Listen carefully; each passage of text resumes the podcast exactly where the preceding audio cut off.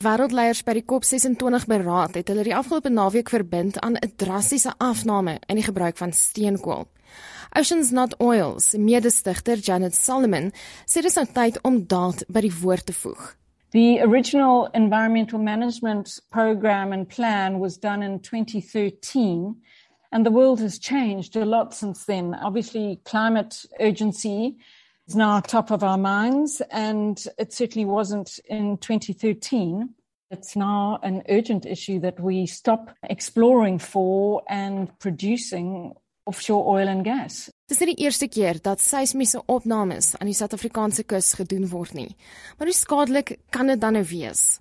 The survey process involves air guns. These are massive cannons that are towed in huge arrays. We're talking soccer fields and soccer fields. The cannons produce this compressed air, which produces both a sound and a pressure wave. And this is strong enough to penetrate not only kilometers of ocean depth, but also about 40 kilometers down into the seabed below it. So it's a hugely forceful process And these air guns go off every 10 seconds, 24 hours a day.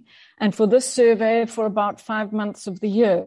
Die konstante ontploffings onder die water het 'n nadelige impak op alle marine lewe, van boggelrug walvisse tot mikroskopiese organismes soos plankton. Air guns are capable of inducing lethal and sublethal injury. So they can wipe out planktonic life, larvae, eggs, the next generation of coral and fish and crustaceans, all the way through to big ocean life, which is humpback whales, where it can produce soft tissue damage, hearing loss, disorientation, displacement, migratory diversion, and animal stranding. In 'n mediaverklaring sê die relevante maatskappye dat die proses op die 1 Desember gaan begin. Solomon sê hulle is veral bekommerd oor diere wat in die tyd op migrasieroetes is. Dit sluit verskeie haai en seeskilpad spesies in. Dit is die eerste keer dat hierdie opnames uitgevoer word nie. In 2016 is die seismiese toetse in KwaZulu-Natal verleng weens gure weer op die see.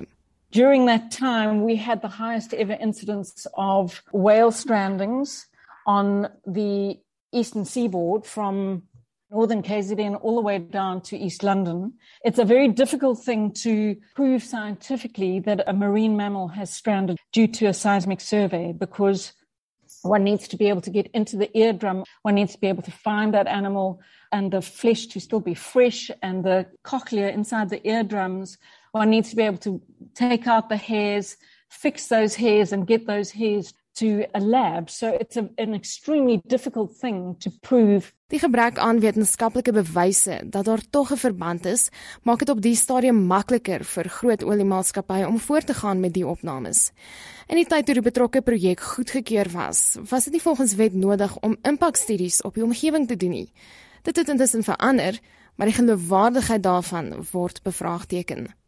The environmental assessors are paid for by the oil corporations. You have the Petroleum Agency South Africa overseeing the applications. The applications are then authorized by the Department of Energy and Minerals.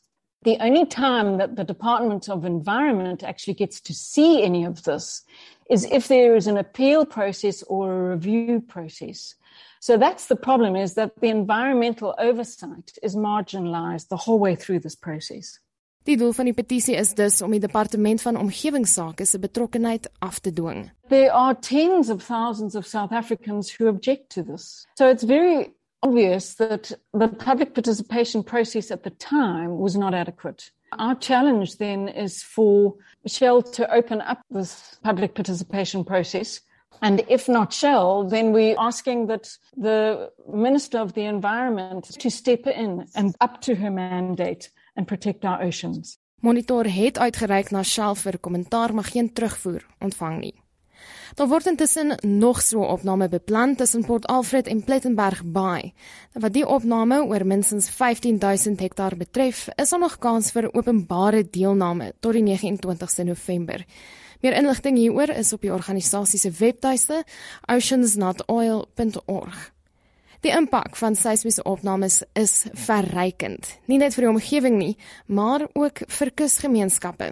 There are studies to show that the economic development that could come from oil and gas doesn't match with the profits and the employment generated from these other sectors like tourism and the leisure industries and the fisheries sector.